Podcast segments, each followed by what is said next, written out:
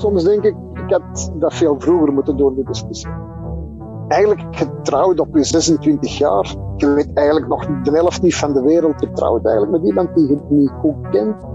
Maar langs de andere kant had ik ook wel zoiets van, als de kinderen hun eigen leven uh, beginnen te leiden, ja, dan zit ik hier echt wel, echt wel op een doodspoor thuis.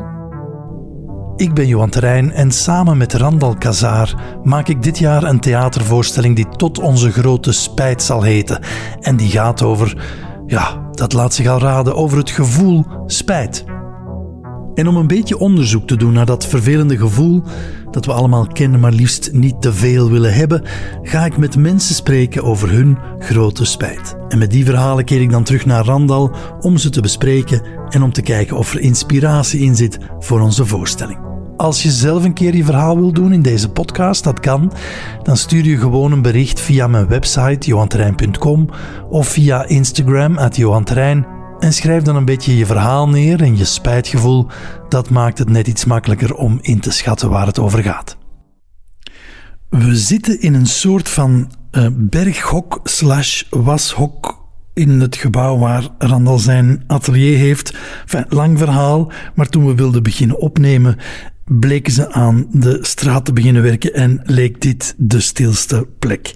Vandaag heb ik het verhaal bij van Herman, een zestiger die tien jaar geleden alles achterliet in België om een nieuw leven te beginnen op de Filipijnen.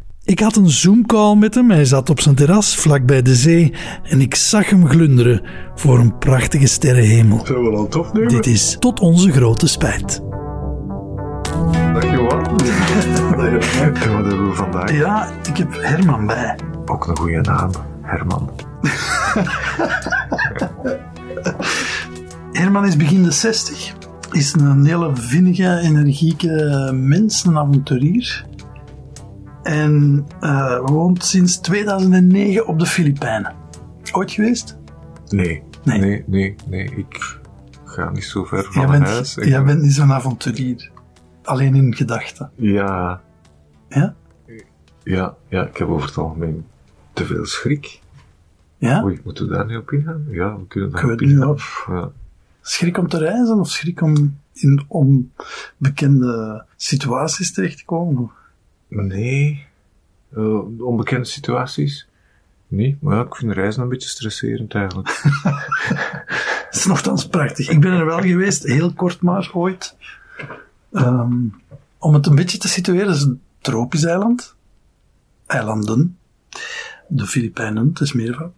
Ehm, dat is in het oosten uiteraard, maar dat is niet zo echt een oosters land. Eh, ik maak me duidelijk, eh, het oosten is mystiek, hè. Die mensen zijn daar echt, die denken anders, die handelen anders. Dat, is, dat duurt even voordat je dat door hebt, hoe dat, dat marcheert. Maar in de Filipijnen is dat anders. Dat is lang ehm, bezet geweest of eh, geleid geweest door de Spanjaarden, als Filipinas. Oké. Maar ook nog door de Amerikanen, als ik me niet vergis. Ja, ja, ja.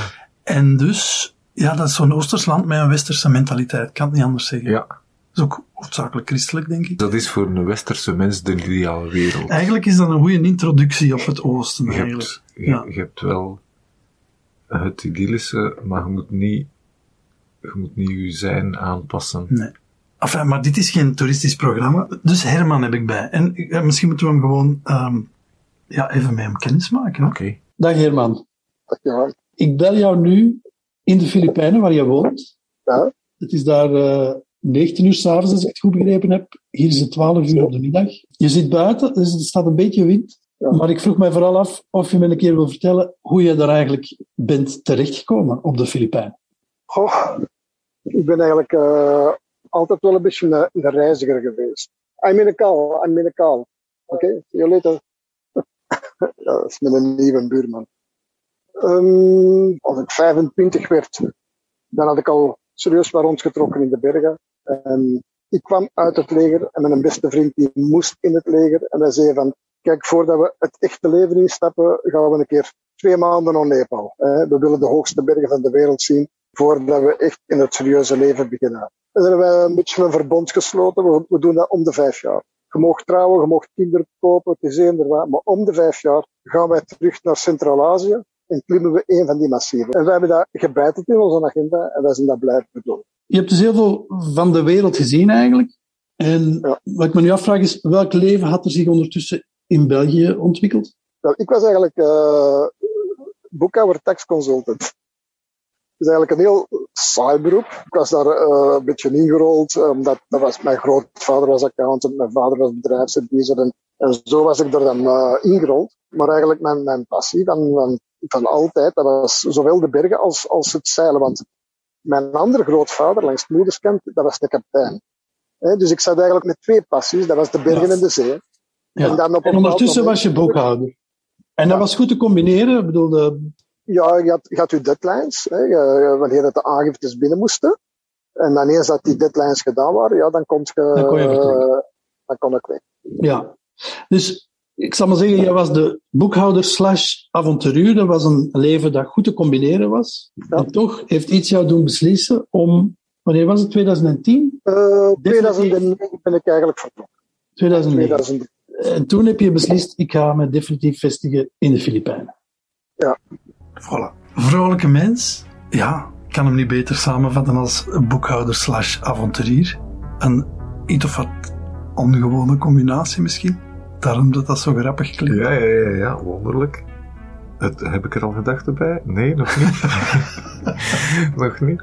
Eh, Dus, dus we hebben iemand die, ehm, een, een, een, zoals hij zelf zegt, saai beroep heeft. Hè? En dan is er dat wonderlijke moment dat de kwartaalaangiften gebeurd zijn van alle zelfstandigen en alle bedrijven. En dat er dus ruimte komt in die agenda en hop, wat doet Herman de zee op of de bergen in. Schoon leven zou je denken, goed hè? georganiseerd, Herman. goed georganiseerd. Maar, zoals je al hoorde, heel veel voldoening haalt hij niet uit die job. Dat is meer uit traditie dat hij die verder zet. Ja, En toch was dat niet de voornaamste reden om te emigreren. oké. ik was getrouwd met een tandarts. Dus die, die werkte dikwijls tot 10, 11 uur s'avonds. En dan in de weekenden, dan zei ze, ik heb zoveel stress gehad, dan wou die uitbreken. Dan wou die naar de stad. Eh, en ik heb dan heel de week in de stad gezeten en ik wou dan eigenlijk terug naar huis. En eh, ja, dat, was zo een sleur geworden en, en ik zag haar niet meer. En ik was wel altijd veel met de kinderen bezig, maar op een bepaald moment zijn die kinderen, zitten die op kot, eh, zitten die aan, de universiteit. En dan heb je zoiets van, ja, die kinderen die zijn straks het huis uit. En ja, dan, dan zit ik hier en ik ben hier niet gelukkig. Ja. Dat is echt niet het leven dat ik wil. Nee. En ik, ik had al langer in mijn hoofd dat ik weg wou en dan, eh ik had geweldige allergie voor huisstofmijt. Dus de winter was voor mij echt een, een beproeving. En ik had zoiets van, als ik op de zee ben of ik ben in de bergen, ben ik nooit heb je ziek. Een keer. Nee. Ik ben alleen ziek omdat ik in die huizen hier opgesloten zit, die daar vol met huisstofmijt zitten. Oh, ik, ik voelde mij gewoon een wrak. En dan ben ik met mijn vrouw naar, naar, naar Quebec gegaan. Oh, eh, nee, veel te koud. Eh, hier kom ik mij niet begraven. Ja, dan zullen we Vancouver proberen. Dat is niet zo koud. Ah, ja, dat was veel te ver. Hier kon ik mij niet begraven. Ik kan mijn familie niet missen. Uh, heb je naar Amerika geprobeerd? Oh nee, dat is, dat, je hebt geen ziel, je valt niks te beleven. Alles, ik moest het toch maar zeggen, of ik werd al afgeklaard. Ik had ze meegenomen op zee, ja, daar werd ze zeeziek, dus dat wou ze niet meer doen, kon zeilen. Ik had ze een keer meegenomen naar de bergen, daar werd ze dan hoogteziek, dus dat, dat wou ze dan ook niet meer doen. En, en, en sportief was ze dan ook weer niet. Lijkt erop dat jullie op alle vlakken een beetje de connectie verloren waren. Ja, zoiets. En, en ik kan het eigenlijk samenvatten met, ik wou kost kost weg. En zij wou kost maar kost niet weg. En dan heb je zoiets van, ja, als die kinderen alle drie uit huis zijn, ja, wat is dan nog de rest van mijn leven? Ja. Hey, op dat moment, je, je wordt 50 jaar. En dan denk je van, als ik het nu niet doe, dan komt het er nooit meer van. Als ik het nu niet doe, komt het er nooit meer van. Ja, Herman, goed bezig geweest met de spijt die je zou hebben als je bleef te vermijden. Dat klopt, ja. De geanticipeerde spijt. Ja. Drie triggers, denk ik. Zijn gezondheid, zijn connectie die hem kwijt is, en zijn kinderen die groot genoeg worden. Ja. En dan eigenlijk op een punt komen, vijf, rond de 50, en de rest van uw leven voor u zien, in de toekomst gaan kijken Mhm. en gaan anticiperen, oei, ik ga spijt krijgen als ik hier blijf. Ja. Ja. Ik snap de geanticipeerde spijt, hè? dus dat je vooruit kunt kijken en denken, oei, dit, dit oh nee, als ik nu niks verander, dan ga ik uitdrogen of verzeuren of Ja, weet ik veel, dan, dan is dit precies mijn leven niet meer, of dan vind ik dat niet meer waardevol. Dat snap ik heel goed. Maar daar een actie aan vastkoppelen, zoals in emigreren, alles achterlaten, dat lijkt mij iets wat weinig mensen doen. Ja. Misschien te weinig. Ja. Denk je dan ook dat het onheus is tegenover zijn vrouw? Ik weet het niet. Ik denk wel dat je daarmee worstelt, ja. Ook al voelt je dat je uit elkaar gegroeid bent. Ja. Jij zou daarmee worstelen. Ik zou daar ook mee worstelen. Hè? Dus, dus ik voel mij ook een beetje jaloers op, eh, Ja, ja, ja. op wat ik voel aan, aan Nee, nee, maar ik zeg dit met bewondering. hè. drive. eh, ik, ik zeg dit met bewondering omdat ik denk, wauw, oké, ik snap de geanticipeerde spijt, maar de actie eraan vastkoppelen is iets wat ik zelf misschien inderdaad, als ik dan toch per se op mij wil terugkomen, is iets wat ik misschien zelf moeilijker toe zou komen of zo. Ja. Zijn lichaam zegt het hem, hè. Dus hij weet wel wat dat hem wilt eigenlijk. En, en, en, en zijn lijf zegt, ja, ja, ja. Nee, nee, nee, hier, hier zijn we niet content. En in de bergen heb je van mij geen last. Ja. En op zee heb je van mij geen last. En hij probeert het wel hè, met zijn vrouw. Maar ja, ze wil zich nergens anders begraven. Dat vind ik, dat vind ik zo'n grappige zin. Hier ga ik me niet laten begraven. Ja. Maar ja, Herman moest dan ook wel minstens naar Canada. Herman moest ver weg, hè. Dat, zat, dat zat eh, al van jongs af aan Ja, dus ik denk hem, niet dat zijn vrouw daar iets in te zeggen had. Allee, het, het, zou, het zou niet geweest zijn van kom, we gaan naar Ardennen of zo. Hmm. Nee. Nee, Herman had meer nodig. Ja. Ja. Nu, Randal, er was nog een belangrijke trigger. Oké. Mijn broer, die heeft eigenlijk eh, in 1990 eh, serieuze faillissement gemaakt. Op het moment dat hij eh, failliet ging, had hij me niet beter gevonden dan mij bestuurder te maken in vennootschappen van hem, waar ik niks mee te maken had, waar ik zelfs niks van wist. Zetels van vennootschappen die failliet gingen, had hem dan bij, mij thuis gezet. Wij zijn er pas achter gekomen, de dag dat er gewoon echt een deurwaarder in de praktijk van mijn vrouw stond. Ik heb mijn broer gezegd, waar zit jij mee bezig? Dus je zit in een slechte positie met je vrouw, maar ondertussen voelde dat eigenlijk die broer van u, die nu eigenlijk heel de tijd in zak zit, dat die dan eigenlijk eh, een hand boven zijn hoofd wordt gehouden door, door, door je vader. En ja, dan op het moment dat hij besluit van, als zit ik hier nog te doen, hè. Ja. Trekt op een plan, ik, ik, ik schrijf het af, hè.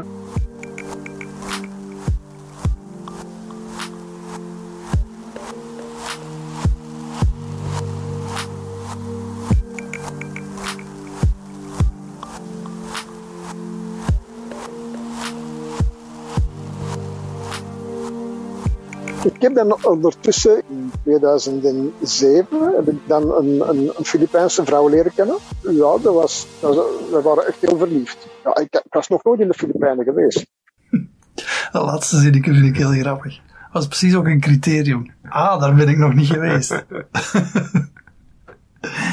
ja, dat is de positieve trigger die de mens misschien ook nodig heeft om ergens naartoe te kunnen gaan. Ja. Dus ik ben wel benieuwd naar hoe dat, dat, hoe dat, dat dan gaat binnenin hem. Het is niet dat een, een onverantwoordelijke je m'en is die alles opblaast en vertrekt. Dat is wat mijn gevoel is, hè? dat hij al die factoren, al die triggers wel nodig heeft gehad, los van het feit dat hij de wens had om Ja. weg te gaan, om ergens Ah, ja, anders ja, te wonen, om het te doen, Ja, dat hij die triggers allemaal wel nodig heeft gehad Ja. of zo. En het is ook wel belangrijk dat hij die allemaal heeft afgewogen, want je kunt wel spijt voor zijn door te emigreren, maar je kunt erachter natuurlijk ook in spijt terechtkomen, omwille van wat, wat je allemaal Ja. achterlaten. Hè? ja. En ik vroeg me dus af hoe hij die beslissing had gedaan. Dat is eigenlijk vrij hectisch gegaan. Op een bepaald moment heeft er een gemeenschappelijke vriendin van ons gezegd van, kijk, wat is er aan de hand? Ik wil een keer een gesprek hebben. En dan heb ik gewoon mijn kaarten op tafel gelegd. En dan is dat gewoon een, een ongelooflijke bom ontploft. Ik ben dan bij mijn, bij mijn vriend gaan logeren. En dan een paar dagen later ben ik dan vertrokken naar, naar de Filipijnen. En dan heb ik wel uh, gesprekken gehad met mijn kinderen, uh, voordat ik vertrokken ben, hè, uitgelegd wat dat er de hand was. En, dan en dat was wel echt een hele moeilijke periode. Dat was ja. een heel zwarte periode. Uh, dat was eigenlijk een beetje op, op onverwachte dat, dat, eigenlijk, dat ik daar mijn kaarten op tafel heb moeten leggen. Dat dat eigenlijk een bom is die ontploft is. De bom is ontploft. Mm -hmm. Dramatisch. Het is ook grappig hoe dat, hoe dat, dat samengevat wordt, hè. De bom is ontploft. ik bedoel, van die scène kun je al drie stukken maken. Wat me vooral heel lastig lijkt, is dat je zo de, naar de kinderen toe, dat je, dat je niet de kans krijgt om dat te goed uit te leggen. Het was wel nadat hij gezegd had van, ja, ik heb een Filipijnse vriendin en ik wil verhuizen. Zoiets.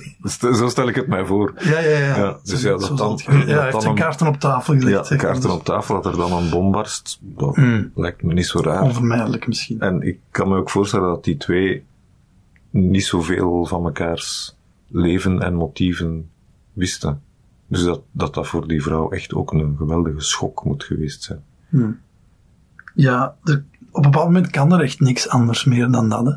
De kaarten op tafel leggen ja. en de gevolgen daarvan dragen. Eh, dus hij wordt omsingeld eigenlijk door signalen die zeggen: als je het nu niet doet. Ja, dat is wel enorm. Hè? Ja. ja. Als je het nu niet doet, ga je spijt hebben. Ik spreek af en toe over spijt. Want daar gaat het uiteindelijk Daar gaat het over. Maar het leven doet dat wel soms, hè? Ja. Ik moet, ik moet ook denken aan, aan uh, dat is, uh, sorry, dat is een, een, een zijstap. De, uh, Marinus Knopen is een Nederlander en die heeft ooit een boekje gemaakt, De Creatiespiraal. Hij geeft zo een voorbeeld van als je wens als het om een zielenwens gaat, hè, en je doet zelf niks, of bijna niks, dan nog gaat het leven u wel daar brengen. Ja. En zo, dus um, je hebt een idee of een wens, en de eerste fase is van dat te laten groeien in jezelf. Uh -huh. Totdat er geloof is. Geloven is misschien de tweede fase. Geloven dat, het, dat je wens dat rechtvaardig is. is. of zo, dat ja. die mag alvast. Hè. En dan fase drie is erover spreken. En, de fases zijn belangrijk omdat als je erover spreekt voordat je het gelooft, dan krijg je problemen, want bij het minste negatieve feedback die je krijgt, berg je de wens op. Ja, en, maar dus, als het ging over daarover, maakte hem zo een voorbeeld van de man die eigenlijk op zeilreis wilt, al heel zijn leven, maar daar alleen maar over spreekt. Oké? Okay? Uh, dus ja, je zou kunnen zeggen, ja, die, die is zijn creatieproces niet aan het, niet aan het doormaken. doormaken, want de volgende fase is een planning en dan zien of dat je planning en bla bla bla. maar het voorbeeld is van ja, die man gaat op pensioen en hij krijgt van zijn kinderen een zeilreis. Omdat hij dat, dus hij heeft dat wel al in de wereld gezet. En het, het, er zoveel over ja, te spreken. Ja, zo ja. ze van zijn gezag af zijn. Misschien, of ze, nee. of ze hielden van hem en ze wilden een geweldig cadeau doen. En bij Herman kun je ook al heel de tijd voelen van ja, die zit, die wil iets anders dan wat dat, dan wat dat hem heeft. Ik vind dat een heel interessante gedachte. Als het gaat over een zielenwens, en dat is iets wat we moeilijk kunnen definiëren, maar wat Nog niet, we wel begrijpen, denk ik. Zoiets ja. wat heel diep in u leeft en wat je heel graag wilt en waar, waarvan je weet, als ik dat zou kunnen doen, dan zou ik helemaal opleven en, ja, ja. en samenvallen met wie ik ben en wat ik wil. En, en dus dat is iets heel groot eigenlijk. Hè. En wat je nu zegt is eigenlijk, dat kun je niet blijven negeren of onderdrukken dat het leven zorgt ervoor dat je uiteindelijk op het punt komt dat je op een manier zich realiseert, die zielenwens. Klopt dat? Klopt niet. Allee, dus het leven gaat u blijven pijlwijzers geven. Ja ja. Ja. ja. ja. En dat is het eigenlijk. En dat is het. En dus op, op een keer gaat de luisteren ofwel niet. niet. Ja, dus Herman had ook kunnen kiezen om niet te luisteren. Te ondergaan, hè? Om al die triggers te negeren. Ja. Wel, ik bedoel, ik kan mij een, perfect een versie van mezelf voorstellen. ja. Die blijft zitten en die dan, wacht hè, ik zou dan wel ergens een lief vinden, maar liefst niet op de Filipijnen. Want je reist niet graag, want er zijn een beetje bang van. en dat dan een beetje verborgen houden voor mijn vrouw, maar wel daar blijven en, en ja, en dan de boel oplossen met, met uw broer en uw vader en, en in de zakens blijven. En dan af en toe wel nog ontsnappen. Ik denk dat hij dat wel regelmatig deed. zo verder zetten, je kunt dat ook doen, hè? Dat kan, hè, ja, tuurlijk. Ja. Maar de, maar de pijl, de richtingwijzers gaan wel blijven. En we kunnen zeggen dat Herman heel veel richtingwijzers kreeg op dit moment. Ja. Je hebt dat dan uh, in tweede instantie aan uw kinderen kunnen uitleggen. Wat, wat, was hun reactie? Mijn oudste dochter, die had toch ook al door van dat het echt niet goed ging met ons. Die had er wel begrip voor. Die, die, die zegt, ik voel al jaren dat dat, dat, dat niet gaat. Dus die heeft eigenlijk altijd mij serieus erin gesteund. En dan mijn tweede zoon, dat ging redelijk. De jongste die had er het moeilijkste mee. Want ja, je bent dan echt weg, hè? Ik bedoel, op dat moment pak je je koffers en leef je aan de andere kant van de wereld. Je kunt uiteraard contact houden, maar je deelt geen leven meer met je kinderen. Zeker het eerste jaar is echt een, heel lastig jaar geweest. Ook omdat ik dan hier in de Filipijnen met een draai moest zoeken. En ja, dat was niet gemakkelijk. Is er dan ooit twijfel ontstaan over uw beslissing? Uh, nee, nee, niet echt. Die kinderen die, die, die, die zitten op kots en die, die gaan hun eigen leven beginnen, die gaan uitvliegen. Ja, wat, wat hebben ze aan een vader die daar in zijn salon ligt te verzuren en te verpieteren? Daar hebben ze toch ook niet veel aan. Dan kunnen ze toch veel beter een vader hebben die, die dat, uh, als hem komt, uh, zijn tijd volledig aan hun spendeert. En dat ze dan op bezoek kunnen komen in het buitenland. En, en, dus mijn dochter is naar hier gekomen met haar vriend. Wij hebben samen een duikcursus gevolgd. Mijn jongste zoon is ondertussen ook naar hier gekomen om uh, zijn advanced duikcursus te volgen samen met mij. Dat was ook heel leuk. En ik denk dat, en ik denk dat, dat met de jaren meer en meer uh, naar boven zal komen. Met, met dat ze ouder worden en dat ik ook ouder word en, en dat ze kleinkinderen krijgen. Mijn dochter heeft nu haar eerste kleinkind. Ah ja, je zegt dan zoiets. Kleinkinderen, dat is ook iets wat je natuurlijk niet vlakbij ziet opgroeien. Nee, we krijgen wel elke dag filmpjes en foto's. Maar zij zitten al twee jaar vast in Melbourne. En zij had gedacht van als ik in Melbourne twee jaar zit, dan kom ik naar de Filipijnen nu bezoeken. Dat is niet gelukt. Ik had gedacht van ik ga nu bezoeken in Melbourne. Dat is niet gelukt. En rare tijden ook, hè. Ja.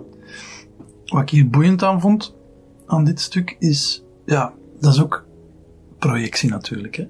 Voor mij is emigreren en uw kinderen achterlaten iets wat ik als taboe. Nee, niet taboe, ah, nee. maar dat is iets wat ik, denk ik, emotioneel niet zou kunnen. Ja.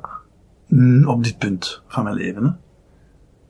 Wat ik wel straf vind, of knap vind, is, wat Herman hier doet, is eigenlijk zich losmaken van het vaderschap zoals je dat in je gedachten hebt. Mm -hmm. Namelijk, ik ben er voor mijn kinderen. Daar los van komt en eigenlijk gaat zien dat de kwaliteit die hij hen kan bieden als hij wel zijn droom naleeft, als hij wel uh, iets onderneemt, hè, want hij, hij runt daar uh, verschillende uh, duikresorts, heeft, heeft daar echt een paradijs voor zichzelf gemaakt hè, en, en zijn droom echt waargemaakt leeft een avontuurlijk leven, iets wat zijn, wat zijn zielswens ja. was. En dat dat belangrijker is om aan je kinderen te laten zien dan ja, iemand die zijn rol, zijn traditionele rol opneemt en dan met de consequentie dat hij zit te verpieteren in het salon.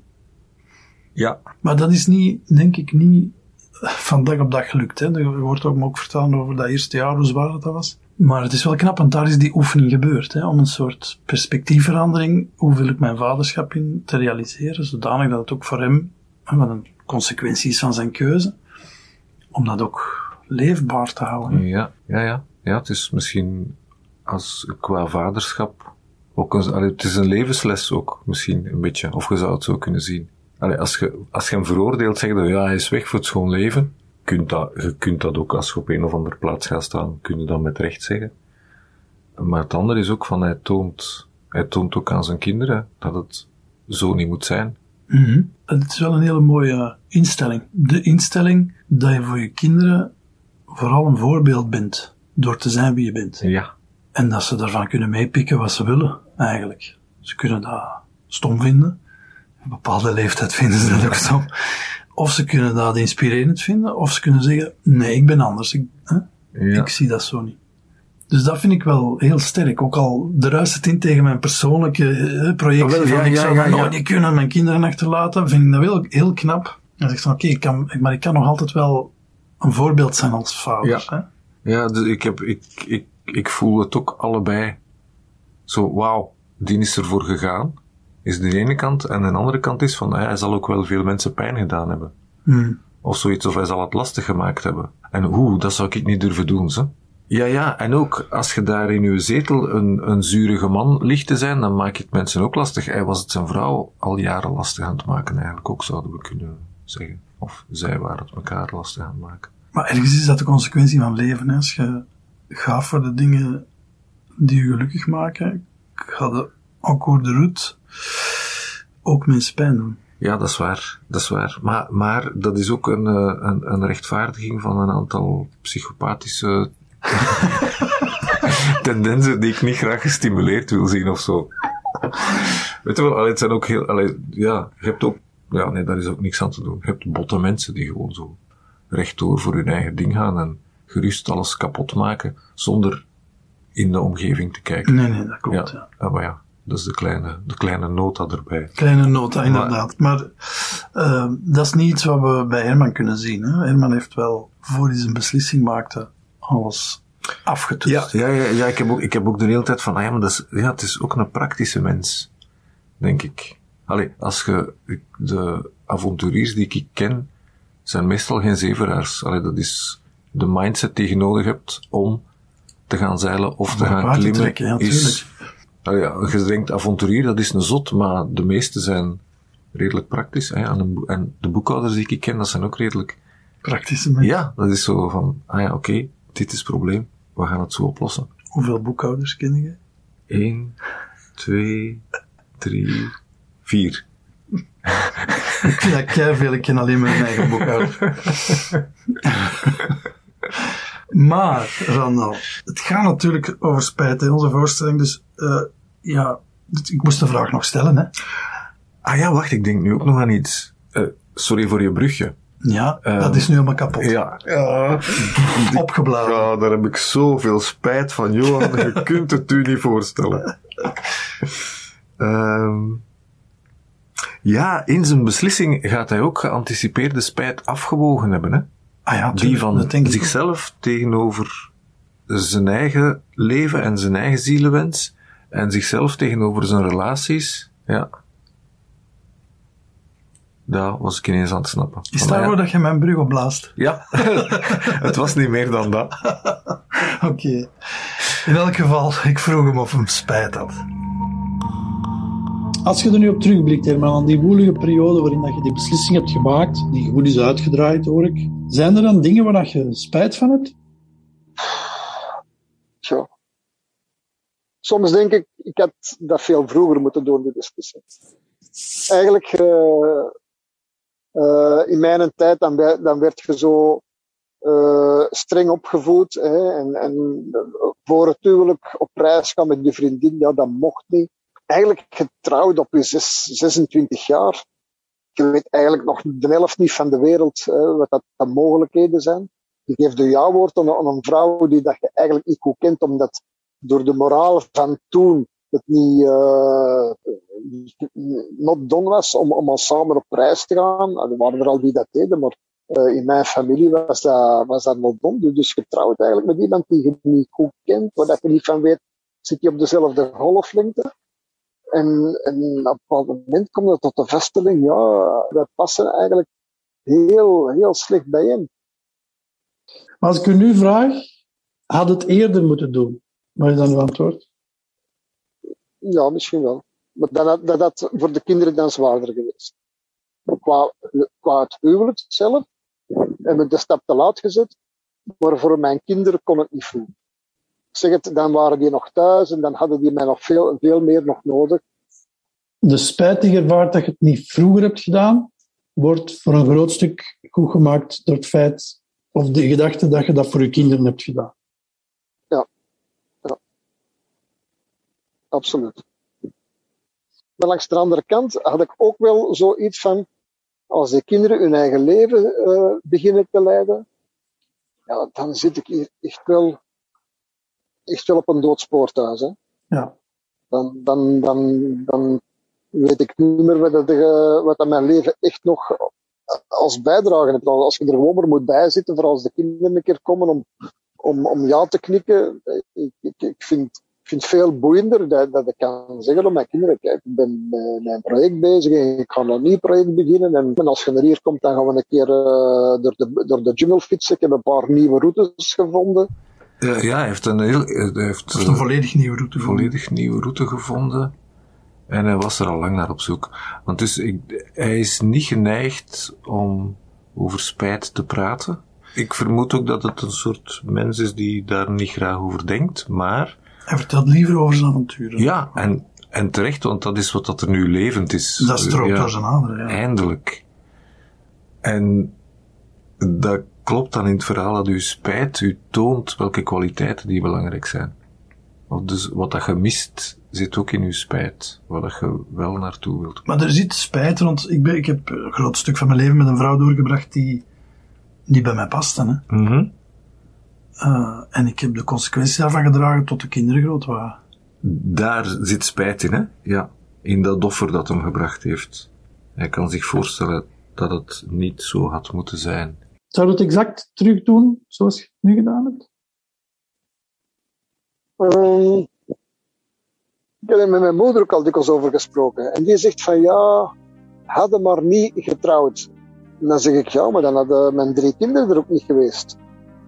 En dat zijn drie fantastische kinderen. Dus dat is eigenlijk een, een heel moeilijke vraag. Ja, ik had de vraag gehad dat ik met mijn vrouw veel meer een beetje een compagnon de route had gevonden. Dat is niet, eh, dat is niet het leven dat ik wou. Ja, dat, dat, dat vreet me nu, hè. Dat is, we zeiden tegen de deur uw eigen niet meer, hè.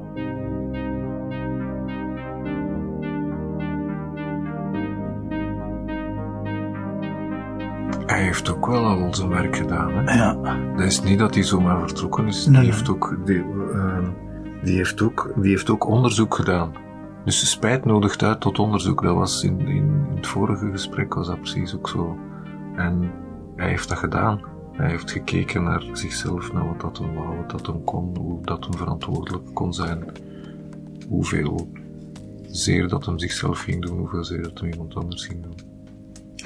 En wat hij ook zegt, is: het heeft geen zin om spijt te hebben.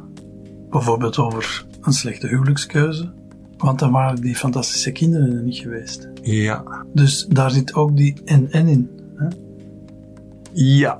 Daar zit ook in uh, het goed en het slecht ineen. Zitten ja. ineen. Die zijn ja. niet los te koppelen van elkaar. Nee. Ja. Zonder die vrouw waren die drie kinderen niet, punt. Ja. En die zijn een rijkdom in zijn leven. Ja. Dus heeft het ook geen zin om spijt te hebben van dat huwelijk. Of van te wensen dat het er niet was. Ja. Ja. Want er zal wel spijt zijn, hè. Dat hij heeft wel spijt over dat het niet anders was. Allee, dat, dat hem geen compagnon had aan Ja, ik zeg het verkeerd, hè. De, de spijt is, hoort erbij. En ik denk dat hem ook goed gezien heeft wat het is. Allee, zo, ah ja, ja, het is geen compagnon de route geweest. Doe me toch. Ja, ja, dus hoe, hoe langer dat ik hem bezig hoor, hoe, hoe meer dat ik precies snap dat hij wel heel lang zijn best heeft gedaan ook. Om te passen in iets. Ja, tot echt alle richtingwijzers. Richting Filipijnen. Wezen. ja. ja. Nog een belangrijk staartje aan dit verhaal misschien is wat hij allemaal in de plaats heeft gekregen. Oké. Okay. Wat heb je allemaal in de plaats gekregen voor uw beslissing? Wat is de rijkdom die, de, die dat heeft opgeleverd nu? Um, om het kort te zeggen, als er, mij, als er na dit leven een, een, een ander leven zou zijn, een paradijs, en dan zou we vragen hoe moet dat eruit zien, dan zou ik gewoon zeggen, ik wil het geven dat ik nu heb. Dat moet niet meer zijn. Ik ben hier ja, echt echt gelukkig. Ja, voor mij is dat paradijs. Ik zit hier, ik zal u een keer beschrijven, dus ik zie hier nog sterren. Bij ons in België zie je bijna geen sterren meer, omdat er zoveel lichtvervuiling is. Hier, als, als het nieuwe maan is of zo, dan, dan, uh, dan lig ik hier soms met mijn verrekijker op de pier, vlak aan het water, naar de sterren te kijken. S morgens vroeg als ik, uh, word ik wakker, dan zit ik op mijn terras hier op mijn kukkelstoel over de zee te kijken, naar de overkant van de baai, naar de bergen, naar de zon die begint op te komen met mijn tas koffie. Dat is zo mijn zinmoment. En s'avonds heb ik hetzelfde dan met mijn, met mijn, met mijn pintje, als de zon ondergaat. Dus ik ben eigenlijk op tien jaar tussen mijn 50 en 60 een stuk sterker geworden. Uw allergieën zijn voorbij, neem ik aan? Hier wel. Als ik naar België ga, dan is dat, ik wil dat altijd, la degradation totaal. Ja. Ja. Uh, je leeft samen met uw vriendin nog? Dat is mijn vrouw ondertussen. Wij hebben twee Dat is uw kinderen. vrouw. We hebben twee, twee zoontjes. Oké. Hoe oud zijn ze ondertussen? Eh 12 en 8. Dus het, het nieuwe leven is helemaal, Ja, dat is heeft helemaal vorm zo- gekregen.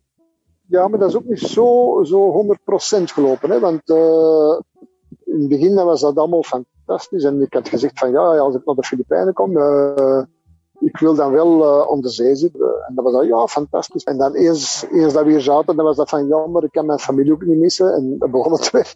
En ik ben een city girl en ik wil eh, wat meer in de stad zijn. En uiteindelijk is het dan zo dat zij, eh, dat ze ook zegt, ja, in de provincie, die scholen, dat is niet goed, mijn kinderen gaan hier niks leren.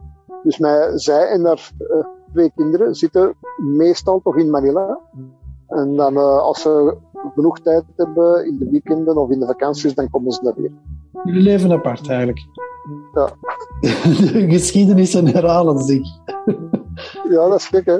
Maar ik ben hier zo content dat ik denk van, ja, eh, doe, doe maar, hè. je komt maar af wanneer dat je wilt. En, eh, Ja. Ja, de geschiedenis herhaalt zich, maar niet meer met dezelfde impact Hij natuurlijk. herhaalt zich niet. dus hij, hij laat zich nu niet doen. Nee. Nee, nee, die zin niet. Ja. Maar is op, opnieuw wel mijn vrouw die meer aan het stadsleven gebonden is. Ja. En- maar het maakt niet uit. Dat maakt- als of ze niet zoveel uit. Als ze daar akkoord mee zijn, allebei, is dat, Ja. is dat goed. Hè? Hij zit toch op de plek waar hij moet zitten. Maar ik wou zeggen, hoe ontroerend is dat nu niet? Om die mensen te horen zeggen dat hem in het paradijs zit. Ja. Als, het, als er een volgend leven is, of als er een hiernamaals is, dat het op dit mogen lijken, dat is de situatie waarin dat je graag zit. Hè? Dat is wel een ongelooflijke rijkdom die je in de plaats krijgt. Ja. Van het offer dat je Ja. brengt. Ja. En nu mijn vraag, eh, die plots in mij opplopt. We kunnen niet allemaal naar de Filipijnen op een strand gaan zitten. Ik wou net aan u vragen, en ondertussen al goesting om naar de Filipijnen te gaan? Ah, wel, eh, nee, maar eh, nee, niet per se. Allee, ik wil dat wel eens passeren. Of, of eh, ja, leren duiken, dat wil ik eigenlijk ook heel graag nog doen. Oké, maar we zullen eens naar Herman toe gaan. Wat heb je nu in heel dat verhaal? Hè, want het is een fantastisch levensverhaal eigenlijk. Welke les kunnen we dan uittrekken? Goh, ik, denk dat op een bepaald moment dat je in je leven toch een aantal zaken in vraag stelt. Eh, moet ik in een bepaalde rol blijven omdat iedereen van mij verwacht dat ik die rol speel? Ja, Blijf ik hier eh, de echtgenoot, alhoewel dat er natuurlijk nog amper passie aanwezig is, eh, gewoon omdat hier later een bom aan moet zitten voor als de kleinkinderen op bezoek komen. En als dan de kleinkinderen weg zijn, de rest van de week er gewoon zitten, een beetje verzuren, een beetje, gelijk dat ik zeg, verpieteren, met, met je gezondheid sukkelen. Ja. Ik vind dat je niet moet blijven zitten omdat van u een bepaald rolpatroon verwacht wordt. En dat je daardoor eigenlijk de rest van je leven bijna zou verkwanselen, bij manier van spreken. Ik vind als je nog plannen hebt en, en je, je wilt nog eh, een aantal zaken verwezenlijken, ik denk dat je er eh, ook, ook voor moet gaan. Volg uw hart, hè. Dank u, Herman. Ja, perfecte les. Ja, het is waar we zelf ook op uitgekomen waren. Hè. Die zielenwens, die leefde nu. En die is redelijk onvermijdelijk. En als je hem toch blijft negeren, dan krijg ik dat beeld binnen nu van Herman, die alleen maar in het weekend een bompa is voor zijn kleinkinderen. En de rest van de week ook gewoon in die In die zetel zit. zetel zit een beetje zuurig te pruttelen, ja. Ja, ja, ja. Wel een heel schoon beeld. Maar niet eh, niemand toe te wensen natuurlijk. Nee, nee, nee, nee, nee. Ja, het is ook grappig. Dus hij heeft daar eh, zijn, zijn schrikbeeld van gemaakt. hè. Ja, Zo, dat, allee, dat is ook een drijvende kracht geworden. Ja. Een manier om betrekkelijk weinig spijt tegen te komen in het leven zou dus kunnen zijn om het goed dicht bij jezelf te blijven en die zielenwens in elk geval ruimte en plaats te geven.